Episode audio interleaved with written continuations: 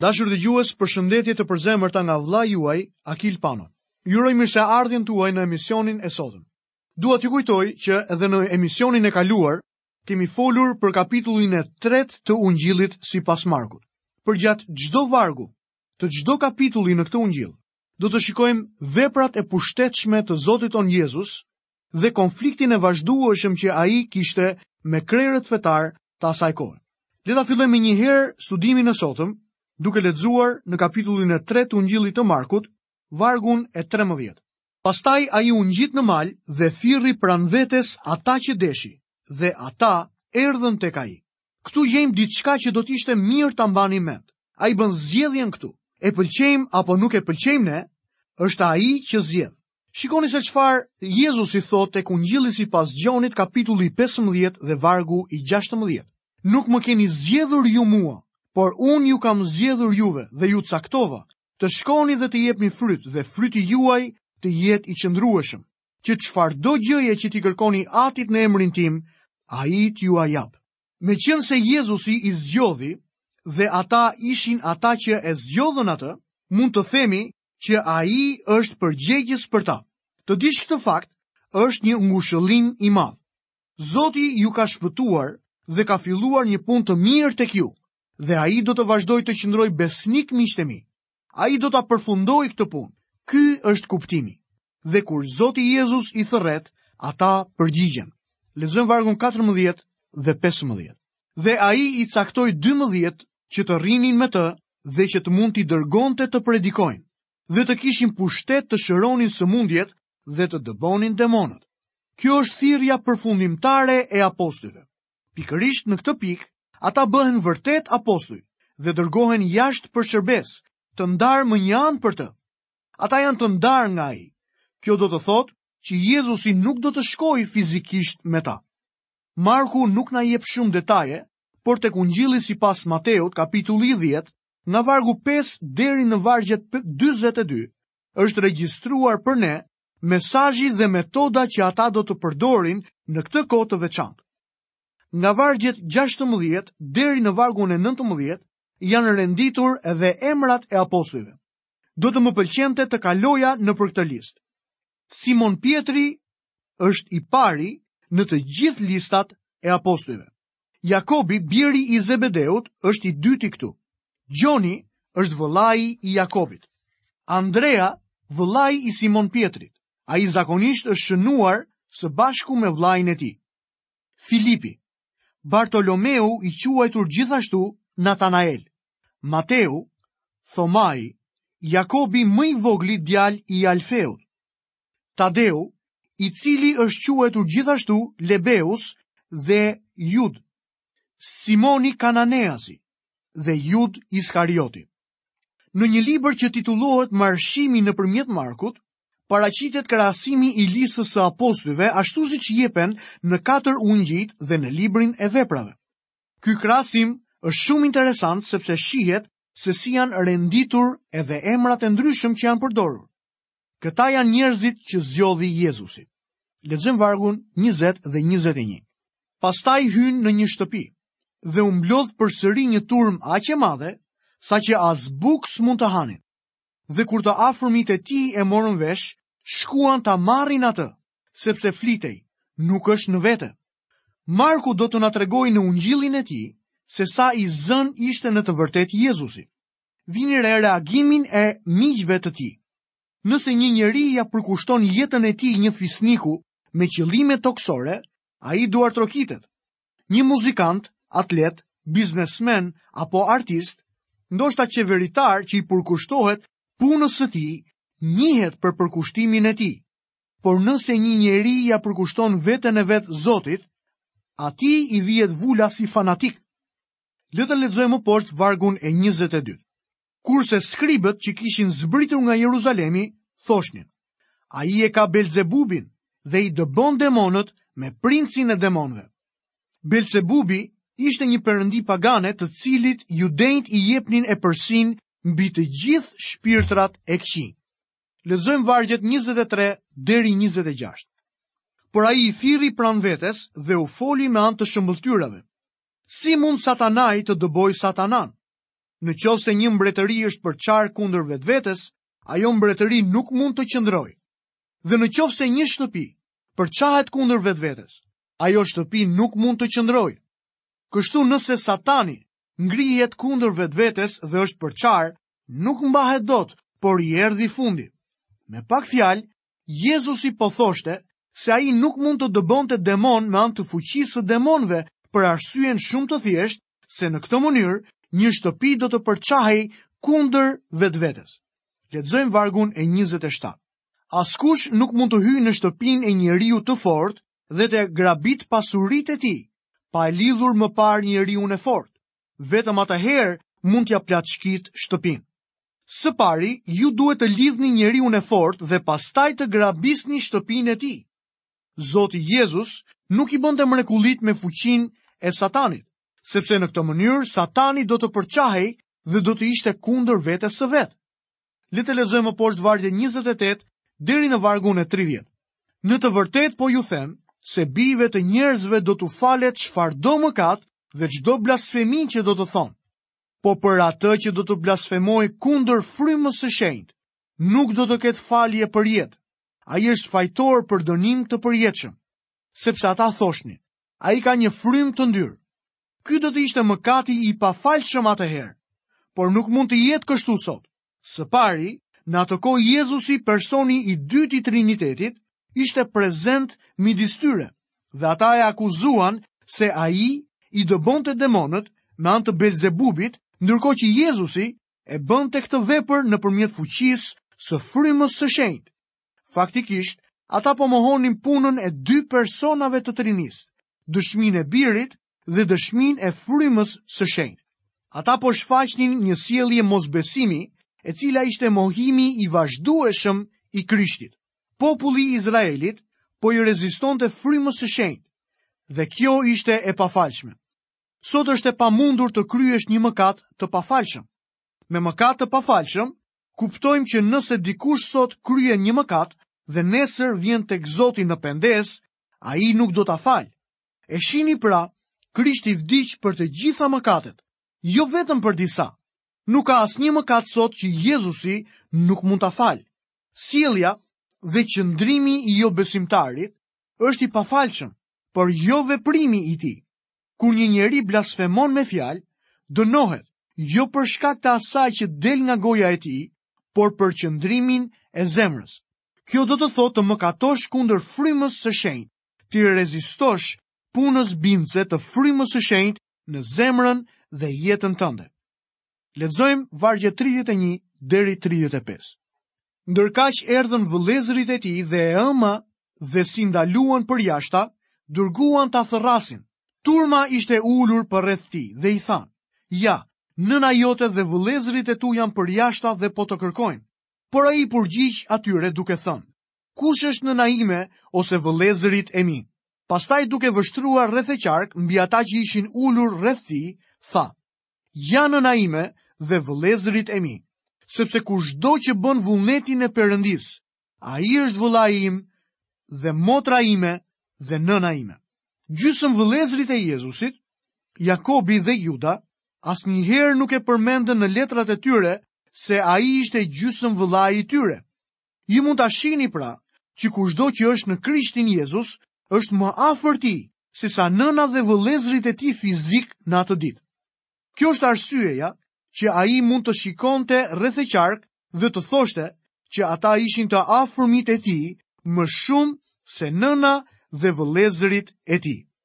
Fakti më i rëndësishëm këtu është të jesh i lidhur siç duhet me Zotin në Krishtin Jezus duke e pranuar atë si shpëtimtar. Ky fakt na jep të drejtën të quhemi bij të Perëndisë, duke na afruar shumë me Jezusin. Të dashur dëgjues, këtu kemi përfunduar studimin e kapitullit të tretë të Ungjillit sipas Markut. Tani do të vazhdojmë së bashku studimin tonë me kapitullin e 4. Në këtë kapitull të Markut, gjejmë disa shëmbëlltyra si dhe mrekullinë e ndalimit të stuhisë. Gjithçka çfarë gjendet këtu, ndodhet edhe në Ungjillin e Mateut, përveçse një shëmbëlltyre e cila është dhënë këtu dhe nuk gjendet tek Mateu, dhe siç do ta shohim, është e vetmja pjesë që e bën këtë Ungjill të ndryshëm dhe të veçantë nga të tjerët. Në fillim shohim shëmbëlltyrën e mbjellësit si një deklaratë dhe pastaj shpjegimin e saj. Kjo ndiqet nga shëmbëlltyra të tjera dhe më vonë nga një mrekulli. Siç e kemi thënë edhe nga fillimi i Ungjillit të Markut, Ungjilli i Markut është Ungjilli i veprimtarisë. Këtu theksi është ende mbi shëmbëlltyrat dhe paraqitet vetëm një mrekulli. Por ju do të vini re që shëmbëlltyrat që Marku jep janë shëmbëlltyra që kanë të bëjnë me veprimtari. Secila nga këto shëmbëlltyra është diçka e gjallë dhe në lëvizje. Theksi është ende mbi veprat edhe pse Marku tregon shëmbëlltyra. Le ta fillojmë leximin tek Ungjilli sipas Markut, kapitulli i 4 dhe vargu i parë. Pastaj nisi përsëri të mësojë në breg të detit dhe rreth tij u mblodh një turmë aq e madhe saqë ai hyri në barkë dhe rrinte ulur në det, ndërsa gjithë turma ishte në tokë pranë detit. Mateu e thekson këtë pikë kur thotë se Jezusi doli nga shtëpia ndërkohë që hyri në një barkë në det. Ky veprim është shumë simbolik. Shtëpia zakonisht ilustron shtëpinë e Izraelit, ndërsa deti përfaqëson kombet pagane. Veprimi i tij i thjeshtë tregon që Jezusi u largua nga njerëzit e tij dhe shkoi në botë. Faktikisht, ky është edhe sfondi i këtyre shëmbëlltyrave dhe këto duhen parë në kontekstin e situatave globale. Mendoj që kjo është shumë e rëndësishme për ne. Këto shëmbëlltyra ndodhën në kulmin e shërbesës së Jezusit. Ai ishte shumë i zënë, mbi të kishte presion dhe fizikisht ishte i lodhur. Në fakt, ai ishte aq i lodhur saqë siç do ta shohim në këtë kapitull, e zuri gjumi në anije. Le të lexojmë vargun e dytë të kapitullit të katërt. Dhe ai u mësonte atyre shumë gjëra në shëmbëlltyra dhe u thoshte atyre në mësimin e tij. Jezusi përdori shëmbëlltyrat si një rrugë për t'u mësuar atyre shumë gjëra. Në këtë pikë, ai ka arritur në gjysmën e rrugës së shërbesës së tij trevjeçare. Ai ka përdorur edhe më parë disa ilustrime simbolike si tregimi për ujin e jetës, gruas tek pusi. Jezusi u kishte thënë dishepujve të tij se do t'i bënte peshkatarë njerëzish dhe se të korrat ishin gati. Ai kishte folur gjithashtu për kripën dhe dritën, për themelin mbi shkëmbin dhe rërën, në predikimin në mal, por këto nuk ishin shëmbëlltyra. Ndërkohë që tani shohim, Jezusi ka adoptuar metodën e shëmbëlltyrave dhe përdor shëmbëlltyrën e mbjellësit. Lexojmë nga vargjet 3 deri në 7. Dëgjoni. Ja, doli mbjellësi të mbjellë. Dhe ndodhi që kur hidhte farën, një pjesë e farës ra gjatë rrugës dhe zogjtë e qiellit erdhën dhe e hëngrën. Një pjesë tjetër ra në gurishte, ku nuk kishte shumë dhe dhe mbiu menjëherë, sepse s'kishte një tokë të thellë. Por kur doli dielli, u dogj, dhe meqë nuk kishte rrënjë, u tha. Një pjesë tjetër ra midis ferrave. Ferrat u rritën, e mbytën dhe nuk dha fryt. Këto janë tre fushat ku ranë farat dhe ato prezantojnë njerëzit e pashpëtuar që nuk pranojnë ungjillin. Ata nuk e pranojnë fjalën e Zotit.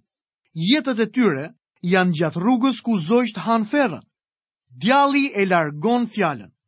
Disa të tjerë janë si gurishte, ku farat thahen nga dielli, sepse nuk kanë rrënjë të thella, ndërsa në tokën me ferra, fara u mbyt prej tyre, por ka edhe një tokë të mirë.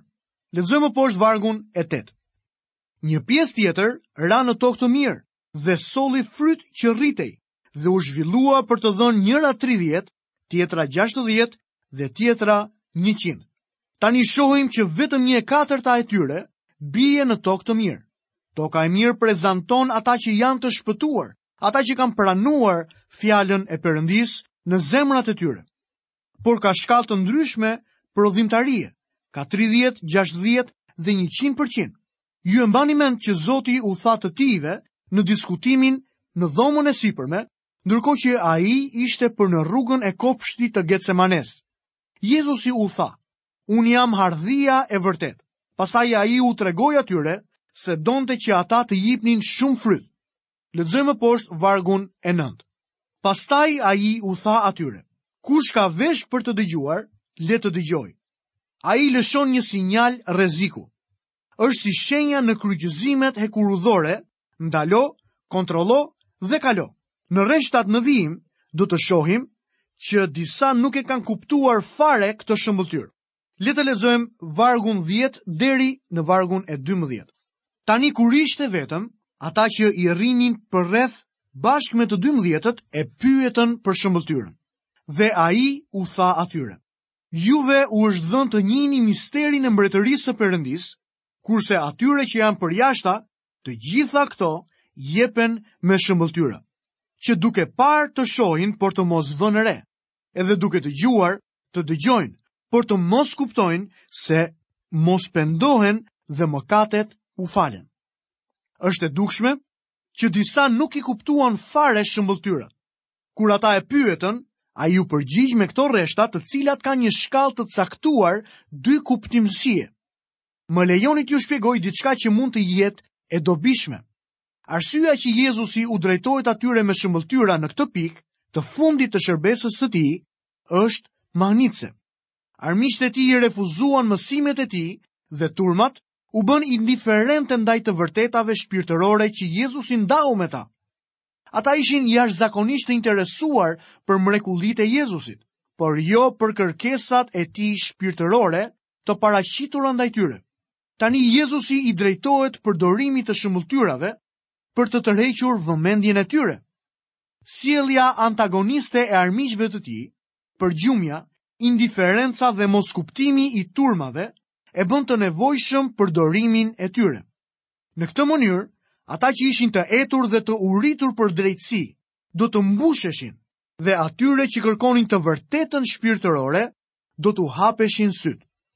Ne gjejmë të njëjtat mendime në kapitullin e dytë të letrës së parë të Korintasve, ku apostulli Pal na shkruan: Po sikurse është shkruar, ato gjëra që syri nuk i ka parë dhe veshi nuk i ka dëgjuar dhe nuk kanë hyrë në zemër të njeriut, janë ato që Perëndia ka përgatitur për ata që e duan atë. Por Perëndia na e ka zbuluar me anë të frymës së tij, sepse fryma heton çdo gjë dhe të thellat e Perëndisë. Pastaj apostulli vazhdon më poshtë me vargun e 13. Për këto edhe flasim, por jo me fjalë të mësuara nga dituria njerëzore, por të mësuara nga fryma e shenjtë, duke krahasuar gjërat frymërore me fjalë frymërore. dhe njeriu natyror nuk i rrok gjërat që janë të frymës së shenjtë, sepse për të janë marrëzi dhe nuk mund t'i njohë, sepse ato gjykohen frymërisht. Pali apostull këtu na paraqet një princip që është ende i aplikueshëm edhe në ditët e sotme. Ne mund të përdorim çdo lloj mjeti që t'i bëjmë njerëzit të kuptojnë të vërtetën shpirtërore, por ata duhet ta kuptojnë përpara se këto gjëra të bëhen reale për ta. Do të më pëlqente të bëja një deklaratë të tillë. Nëse zemra dhe sytë e një personi janë të hapura dhe ai kërkon të dijë, atëherë shpirti i Zotit do të sjellë në zemrën e tij të vërtetën e madhe.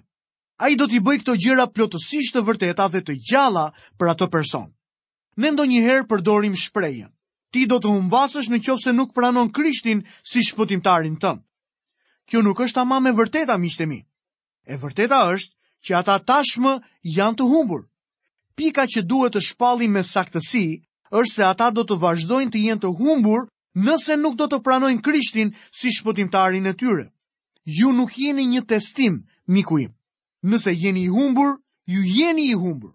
Tani është radha juaj për të reaguar dhe pranuar fjalën e Zotit, e cila do të përcaktojë nëse ju do të jeni i shpëtuar ose jo.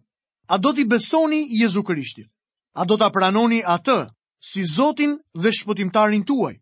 Dikush mund të thotë që tani sikur hymë në fushën filozofike dhe ky nuk është realiteti. Kjo do të thotë t'i kërkosh një personi të bëjë diçka që është mjaft drithëruese, mjaft supersticioze. Nuk mendoj që është kështu miqtë e mi. Më lejoni ta ilustroj këtë. Gruaja ime dhe unë ishim në Florida dhe zbuluam që kishim blerë bileta nga një linjë ajrore që ishte në grevë. Ne duhet të ktheheshim prapa për në Los Angeles me një linjë tjetër ajrore, por mund të përdornim biletat tona origjinale. Në zyrën e informacionit një vajzë e re më konfirmoi se biletat që kishim ishin nga linja ajrore e cila ishte në grevë dhe na siguroi që biletat tona ishin të vlefshme dhe avioni ynë do të nisej të nesërmen në mëngjes në një kohë të caktuar dhe ne duhet të ishim në aeroport gjysëm ore përpara nisjes. A e dini miq, unë kurrë nuk e kisha parë atë vajzë më parë. Megjithatë, i besova asaj. Mëngjesin e ditës tjetër, unë dhe gruaja ime ndodheshim në aeroport. Biletat tona ishin të vlefshme. Avioni ishte atje dhe ne hipëm në të. Ne besuam çdo grimcë informacioni për atë avion. Dhe mos u përpiqni që të më thoni se ai avion nuk ishte një realitet. Në të njëjtën mënyrë, Zoti na ka dhënë fjalën e tij. Ai kërkon nga ju vetëm që t'i besoni Jezu Krishtit. Fjala e Zotit ishte fara që ra. Çfarë lloj toke jeni ju sot? A jeni ju një tokë me gjemba, rrugë, gurishte apo jeni një tokë e mirë? Kjo është gjëja më e rëndësishme në jetë. Të gjithë ne jemi të humbur, vetëm në qoftë se e pranojmë Jezu Krishtin në zemrën tonë si Zot dhe si shpëtimtar, do të shpëtohemi. Në të kundërt, ne do të vazhdojmë që të jemi të humbur. Të dashur dëgjues, këtu kemi mbërritur dhe në fundin e programit të sotëm. Ju falënderoj që keni qëndruar së bashku me mua përgjatë gjithë minutave të këtij programi dhe ju kujtoj që në mësimin e ardhshëm do të ndalemi sërish te kapitulli i 4-t i Ungjillit të Markut për të vazhduar studimin tonë në fjalën e Zotit. Deri atëherë, nga unë vëllai juaj Akil Pano, keni të gjitha bekimet e Perëndisë dhe paqen e tij në jetën tuaj.